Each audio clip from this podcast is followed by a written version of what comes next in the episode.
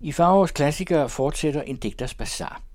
H.C. Andersens besøg i Konstantinopel lakker mod enden, og vores ukulige eventyr beslutter sig for, trods rygter om væbnet oprør i de egne, han skal igennem, at vælge den endnu ikke sete vej op ad Donau til Wien.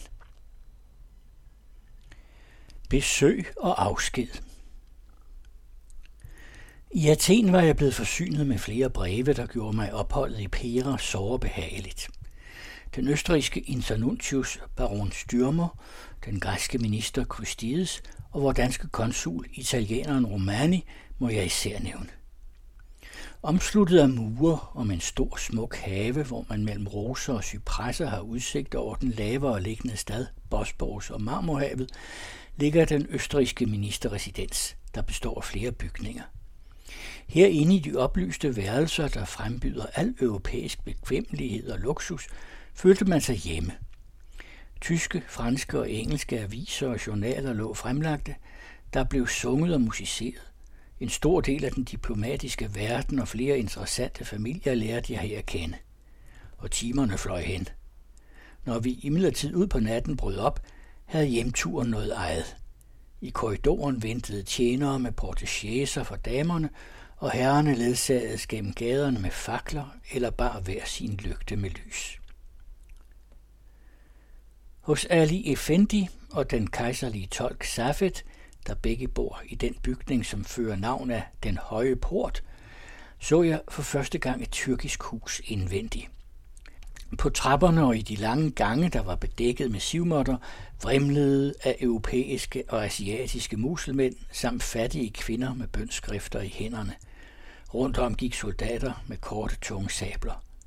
En hver, som kom, måtte først drage sine sko eller støvler af og iføre sig tøfler. Foran indgangene, der var beklædt med lange tæpper, holdt bevæbnede tjenere vagt. Inde i værelset var en divan langs med væggene. Den var det dominerende møblement. Adi Effendi underholdt sig med mig om Lamartins rejse i Orienten og spurgte mig, om jeg ville beskrive mit ophold her og indtrykket skude af Konstantinopel havde gjort på mig.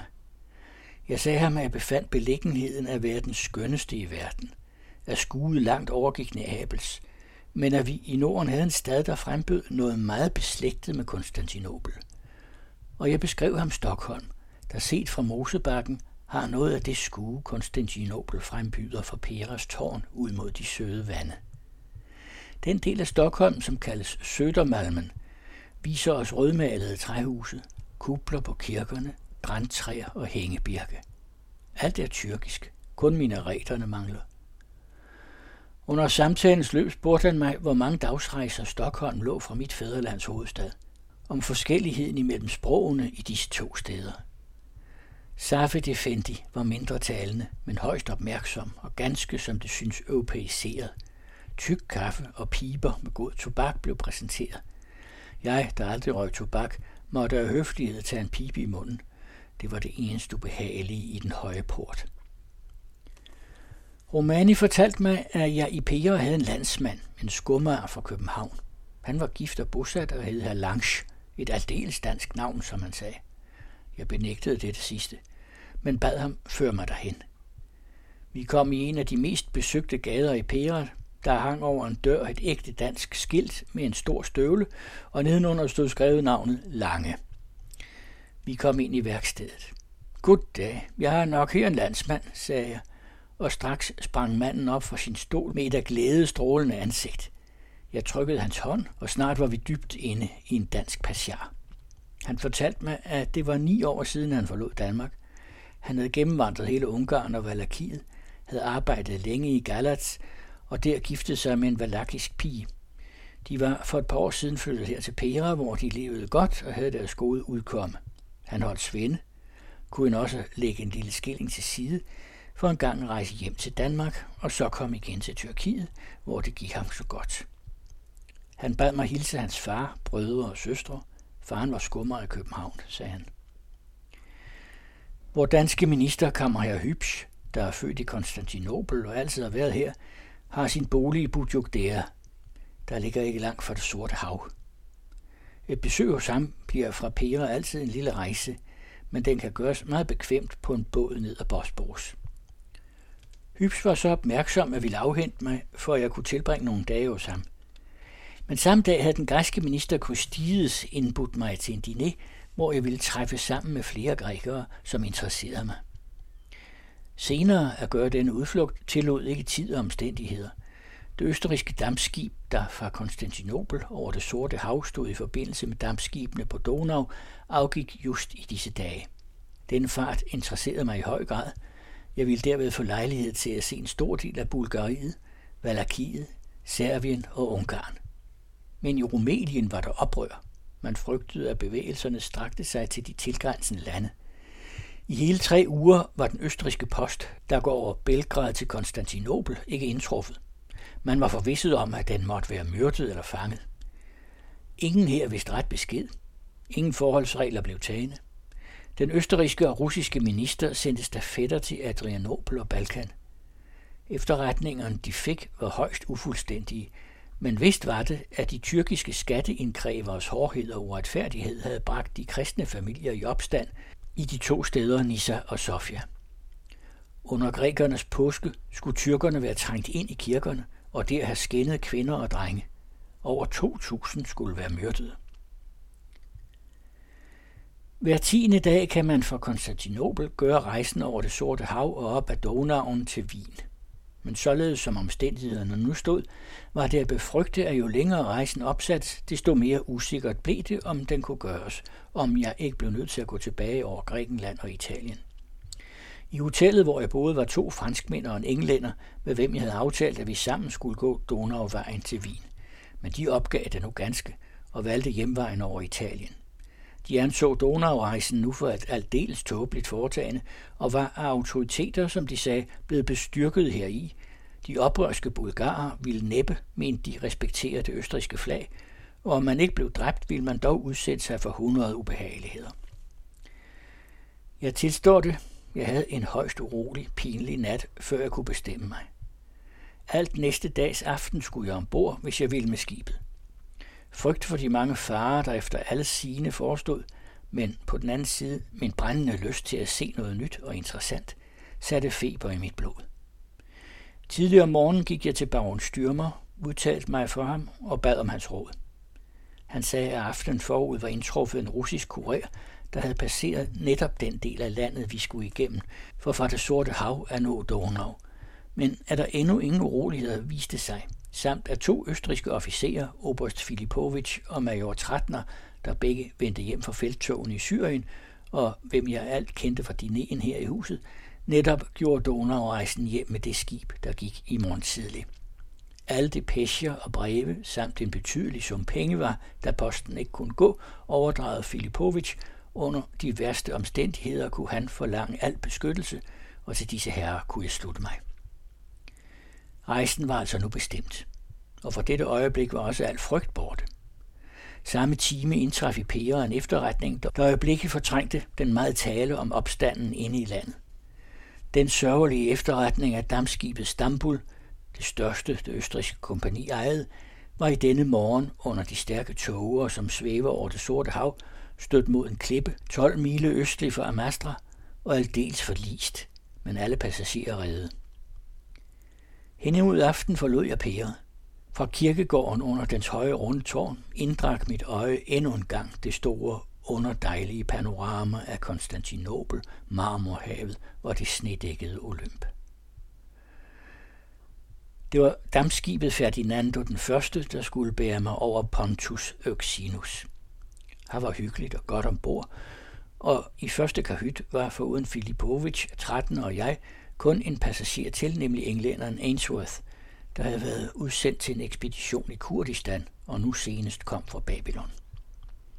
Ombord fandt jeg alt en hel skare dækspassagerer, tyrker, jøder, bulgarer og valakker, som gjorde sig det maligt, kogte deres kaffe og strakte sig for at sove. Både krydsede rundt om vort fartøj, skibe kom og gik, der var et liv på vandet, en susen og summen inde i Pære og Konstantinopel, som om et oprør brusede gennem gaderne. Nej, slik kan kun det levende Neapel give et begreb om. Lige over Serejets mørke cypresser stod månen rund og stor, men ganske bleg i den lysende blå luft. Solen gik ned, og dens røde stråler faldt på vinduerne over i Skutari. Det så aldeles ud, som om der var tændt blus ved blus. Det blændede øjet. I et nu var de slukket, og aftenen gød sig ud over den klare vandflade, over kubler og minareter. Tæt ved vort skib væltede sig store delfiner. Fra serejets side for pilsnart hen over bugten store gondoler, roet af 12-20 rorkale, alle med florsagtige ærmer, der hang ned fra de nøgne kraftige arme. Afmålt fulgte de raske overslag. Gondolen fløj som en pil, og agterude sad på ophøjede broede hønder og rige tæpper, der hang lige ud i vandet, den gravitetiske tyrk med korslagte arme. Det var som drømsyn. En scene i et eventyr. Stjernerne funklede.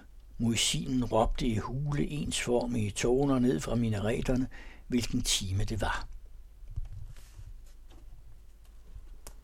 Bosporus er en flod med havets gennemsigtighed. En saltvandsflod, der forbinder to have. En flod mellem to verdensdele, hvor hver plet er malerisk, hvert sted historisk. Her bejler Orienten til Europa og drømmer sig at være hersker.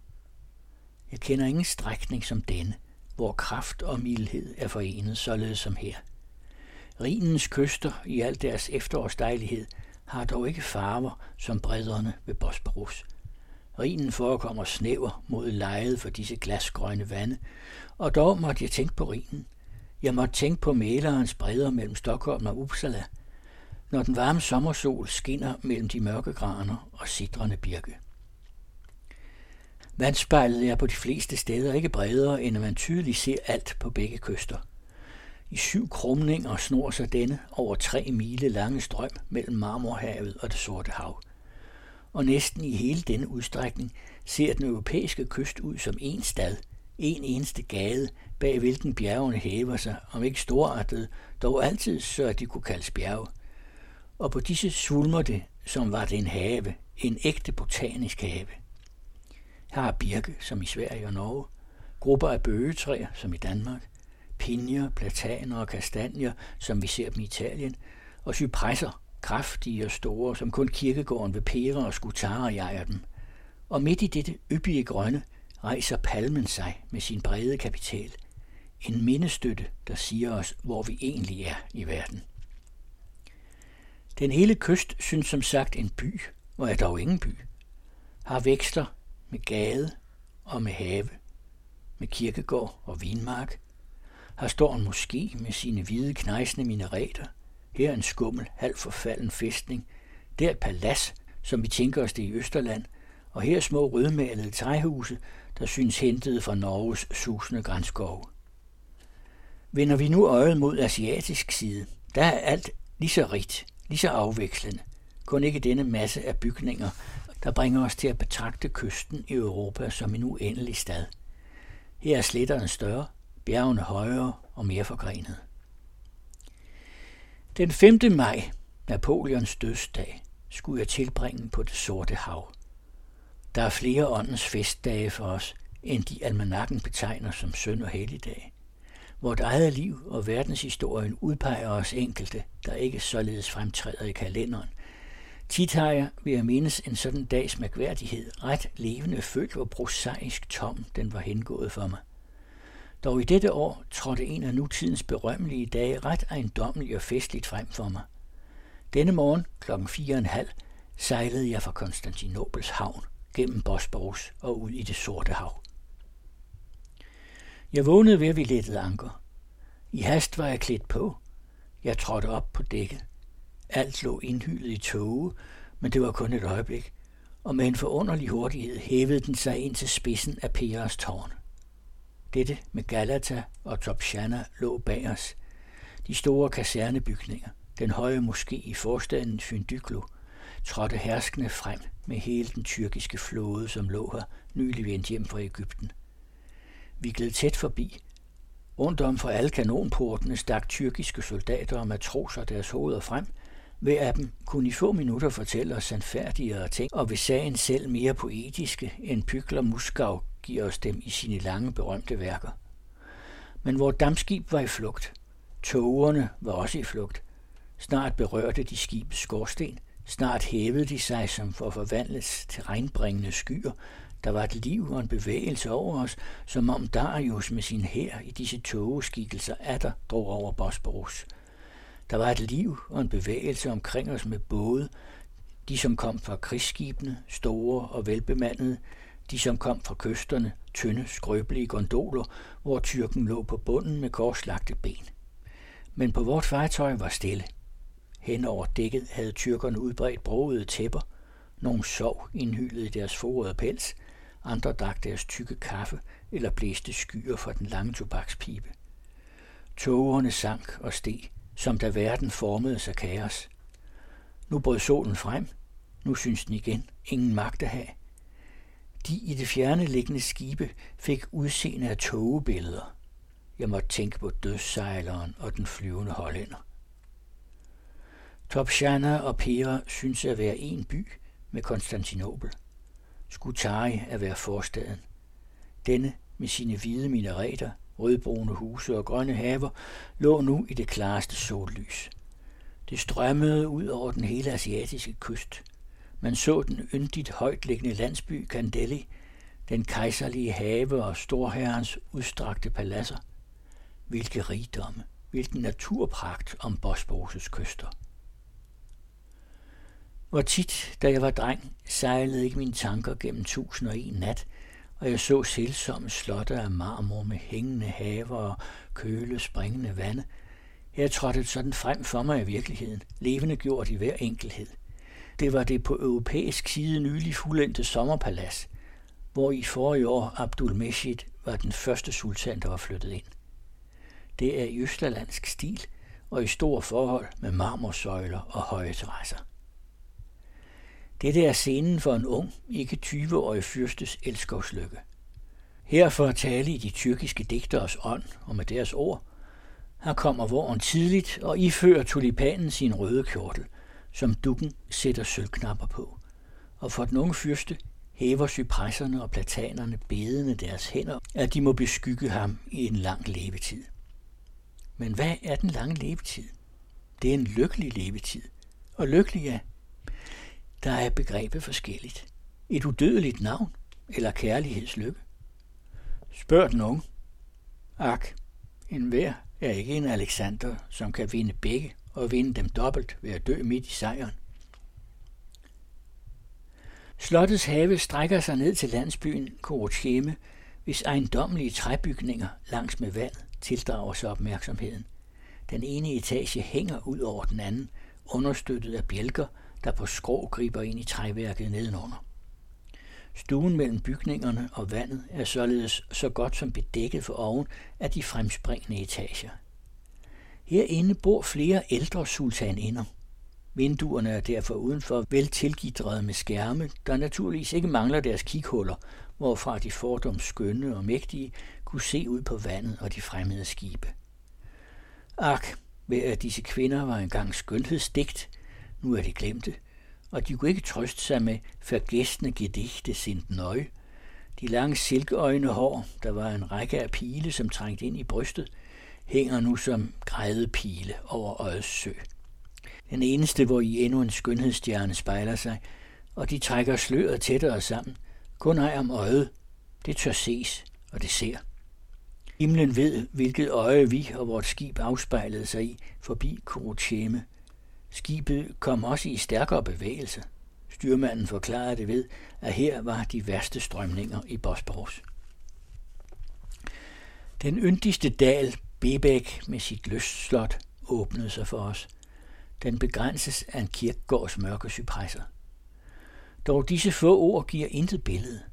Øjet må se denne dal, der som en engelsk park i det skønneste sollys viser en afveksling af grønt som den ikke blandes på nogen palet. Man må se disse pile, hvis bevægede grene synes at lege med deres skygge hen ad jorden. Disse grupper af løvtræer, under hvis skyggefulde tag den vilde turteldue har sit terræ. Disse fede grønne græsplæner, hvor den hvide skinnende okse står som et oldtidsmarmorbillede, halvt skjult i det høje græs. Her er liv, solskin og nyden. Tæt ved ligger grænsen, den mørke cypresskov med døde, skygge og ro. Vi gled kirkegården forbi. Maleriske klipper hævede sig. Vi var på det sted, hvor Androkles fra Samos slog broen over Bosporus, på hvilken Darius førte perserne ind i Europa mod skyderne. En af klipperne her blev der omformet til en trone for Darius, hvorfra han så overgangen. Intet spor heraf er mere tilbage. Osmaniske hellige hviler ved klippens fod. Hellig er nu den grund, de vilde hære har betrådt. Høje, sorte cypresser står vagt om gravene. Bosporus' flydende fugle, søfolkene kalder dem de fordømte ånder, fløj os her i møde og vendte igen i samme nu. Her ligger på asiatisk og europæisk side de mægtige slotte Anatole Hisari og Rumili Hisari, der skulle beherske indløbet. Men skydehullerne er tilmuret. Bygningerne var alt længe forvandlet til fængsler. De sorte tårne kaldes slottene nu, hvor tusinde kristne havde vandsmægtet. Slottet på europæisk side er selvsomt bygget. Sultan Mohammed ville, at det skulle danne hans navn, således som dette skrives med de arabiske skrifttegn. Hundrede kristne kirker rundt om måtte give materiale til disse beboede cifre, men ingen glæde har åndet i disse. Dødssuk har gennemsidret Mohammeds navnetræk. Selv muret fast med sten på sten ved tidens stærke finger udslette denne skrift, og hvor det stod ved jorden på sin sorte tavle, bærer forårets dækning. Duftende buske, græs og blomster. Skønnest er her på asiatisk side. Bag den skumle fæstning strækker sig ind i landet dalen med de himmelske vande. Den er alle dale ved Bosporus, der prises som den skønneste, og hvis naturpragt har givet bækken der sit navn. Men vi gled for hurtigt forbi. Vi så kun så meget, som man ved at se ind i en skøn kvindes åbne øjne kan læse af hendes sjæls dejlighed. Kandiliches store moské hævede sig frem foran os, som var det Ahmedskirken, der af Mohammeds engle var båret herhed, for at vi endnu en gang skulle kvæges ved dens prægtige skue. En lille landsby lå næsten skjult mellem kæmpestore fine træer. Den har af disse navnet Fienbyen. Mellem linde, grædepile og plataner hævede sig amfiteatralsk sultanaje og spejlede sig omvendt i den stille vandflade under kysten. Den hvide slanke minaret, den der i virkeligheden pegede mod himlen, og den der på vandfladen pegede nedad, syntes at sige, se ikke blot livet i solglansen omkring eder, se det ovenover, i de jagende skyer og flygtende fugle, se det i vrimlen på vandet mellem to verdenslande, og i sandhed har var liv og bevægelse. Store både med tyrkinder, indhyllet i hvide luftige slør, satte over fra den ene kyst til den anden. Lige under vort fartøj hævede en af de yngste kvinder sig i en af bådene. Hun så opad, og det tonede for mit øre den persiske sang om sederens vækst og tulipanens pragt. Hvor har ikke i en kulsort nat pludselig ved et eneste lyn set den hele egen oplyst, og alt blive nat igen. Men man glemmer aldrig billedet af, hvad man så. Her kom to lyn. Hvert øje sendte et sådan, og så var det nat. Vi så ikke længere Orientens datter, men alt århundreder før vor tid har digteren sjunget om hende. Tørrer hun sine lokker med klædet, der dufter det af moskus. tørrer hun øjets tårer, der triller perler fra klædet. Berører det hendes kind, der fyldes det med duftende roser, og trykker hun det til sin mund, der omslutter det en paradisisk frugt. Jeg så efter båden. Vi var langt fra den. Kvinderne i de hvide slør syntes ånder i Karons båd, og der var sandhed i denne tanke til, hvad vi aldrig mere skulle se, er blandt de døde. En orange havde hun kastet i vandet. Den gyngede på strømmen som en erindringsstjerne om mødet. Lange fiskerbåde skød forbi store skibe, der kom fra det store hav. Ruslands dobbelte ørn slog med vingerne i det stolte flag. Stille og gyngende på vandet, ud for et fiskerleje, jeg tror Bajkos, lå hytter, der endte for neden i et udspændt net, hvor i sværfiskene skulle fanges. Jeg siger hytter. Man kunne også kalde den kurve. I hvert fald, i hver sad en halvnøgen fisker og passede fangsten. På europæisk side nærmede vi os Terapia. I hvis dybe bugt lå et par store skibe. En lille båd mødte os her. En gammel næger førte oven. Han havde en ulden kittel på, som grækerne bærer den. Store sølvringe hang i hans øren, men på hovedet havde han kun sit tykke uldhår. Båden var bogstaveligt talt fyldt med roser. En lille grækerpige med sit mørke hår flettet om den røde fest og en stor guldpenge deri, stod og lænede sig op til en af kurvene med roser. I hånden havde hun en af de bulgariske håndtrummer. Båden vippede med den forstærkede bølgebevægelse, hvor skibs stærke fart satte strømmen i, og den lille pige holdt sig fastere til en af kogene. Den væltede med hende og udgød sin strøm af roser over hendes bryst og ansigt. Hun rejste sig igen, og da hun så, at vi betragtede hende, slog hun leende på den lille tromme, kastede den derpå i kurven og holdt en håndfuld af roser for sit ansigt.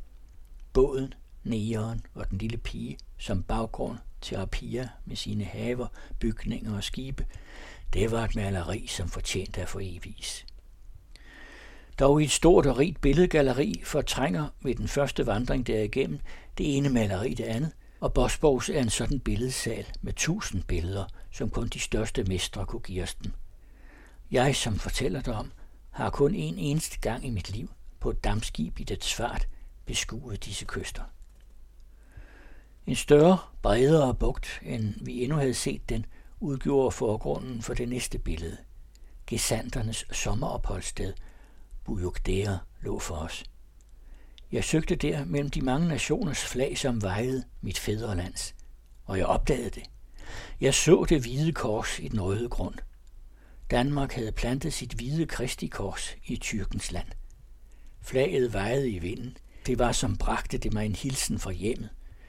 Min nabo ved skibets regling pegede hen på den første store vandledning med de dobbelte buer, der midt i det grønne hævede sig i den dybe dal. En anden fortalte om Medea, der havde vandret her, hvor nu søfolkene drog deres både op under de høje plataner. Men mit øje og min tanke var kun hos det danske flag. Det jeg her første gang så igen på min hele rejse. Minder, der gjorde hjertet blødt og mildt, dykkede op i sjælen. Hvad er tænkelig skønhed og mildhed kunne Bosborgs kyster mere fremvise? Og ligesom i følelse heraf forvandlede de sig pludselig i en vild natur. Gulagtige, sønderrevne stenblokke stod op af vandet. Batterier, anlagte for at dække Bosborgs mod kosakkernes strejferier, forstærkede det umilde skue. Tårnet højere oppe kaldes Ovids tårn, og savnet angiver, men falskeligt, at det var her digteren sad fanget ved det sorte hav. Tårnet er nu en ruin, der når solen er nede, benyttes som fyrtårn. Store fakler antændes deroppe. Det røde bål lyser for det sorte havsskibe. Endnu en lille strækning er på asiatisk side. Alt yppigt grønt. Men snart hvor kysterne mest nærmer sig hinanden, træder den vilde fjeldnatur lige dristigt frem på begge sider. I Asien ender her den betyniske bjergkæde, i Europa den tragiske. Ingen sti snor sig nu mere langs vandet. Stengederne kravler højt på de sælsomme klipper. Det sorte hav ligger ud foran os, og på pynten af to verdeners lande ligger fyrtårne med velkomstblus eller afskedsstjerne, alt som skibet styrer sin kurs. Nær ved kysten rejser sig underlige klippeøer. De synes kastede mod hinanden. Den ene stenblok synes at holde på den anden. Savnet siger, at disse fjelle engang var svømmende. De knugede skibene mellem sig. Først da argonauterne lykkeligt sejlede forbi dem, blev de bundne. Solen skinnede på de nøgne sten. Havet lå uendeligt stort foran. Vi får derud. Tågerne, som under hele vores sejlads gennem Bosborgs snart steg, snart sank, men dog aldrig skjulte kysterne, faldt nu som et tæppe, der ruller ned for en pragtfuld opera-dekoration. I et nu var Asiens og Europas kyst skjult for os. Søfuglene stod en kreds om skibets skorsten og jo så igen tilbage. Vi så kun hav og tåge. Det sorte hav. Så længe vi sejlede i Bosporus, havde vi kun øje for den dejlige landskabsrevy. Nu er denne endt. Vi synes at svæve gennem skyer, der endnu i hurtigere flugt end vi for hen over havet. Der var noget så nordisk hjemligt i disse tåger. Det var mig, som om jeg sejlede på Kattegattet i november måned. Man måtte svøbe sig ind i alt det vintertøj, man havde, og jo længere vi kom ud, des koldere blev det. En halv time knugede os den klamme tåge, og da, som et lyn, var den forbi. Solen skinnede klart, luften blev dejlig blå, dog vandet fik ikke Middelhavets blåhed og gennemsigtighed. Det sorte hav har ganske karakteren af vores nordlige have. Her gik korte bølger af en tæt, glansløs farve, blyagtige imod det lette skinnende Middelhavs. Vort skib, der her gennemskar de vande, argonauterne engang besejlede, var hverken ved størrelse eller bekvemmelighed lige dampskibe af første rang. Og dog ville det på Jasons tid have gældt for mere end en kongelig. Jeg har fået navn af trolddomsværk. Elastiske divaner og magelige køjer omsluttede en stor pyntelig sal med spejle, skillerier og bøger. På bordet fremsattes friske egyptiske finer, plukket for en uge siden. Her var druer for smørne. Vin fra det langt bortliggende galgen – dog det mest trolddomsagtige, den mægtige gnist, det flammende uhyre, som førte skibet mod strømninger og vinde, lå inde i fartøjet og udsendte derfra sit åndedrag som en kulsort damp, en sky, der lagde sig hen over havet. Slidt kunne Medea ikke skabe. Vor tids opfindelse står over hende århundreders mægtigste trylleri. Snillet tilhører nu ikke længere den enkelte.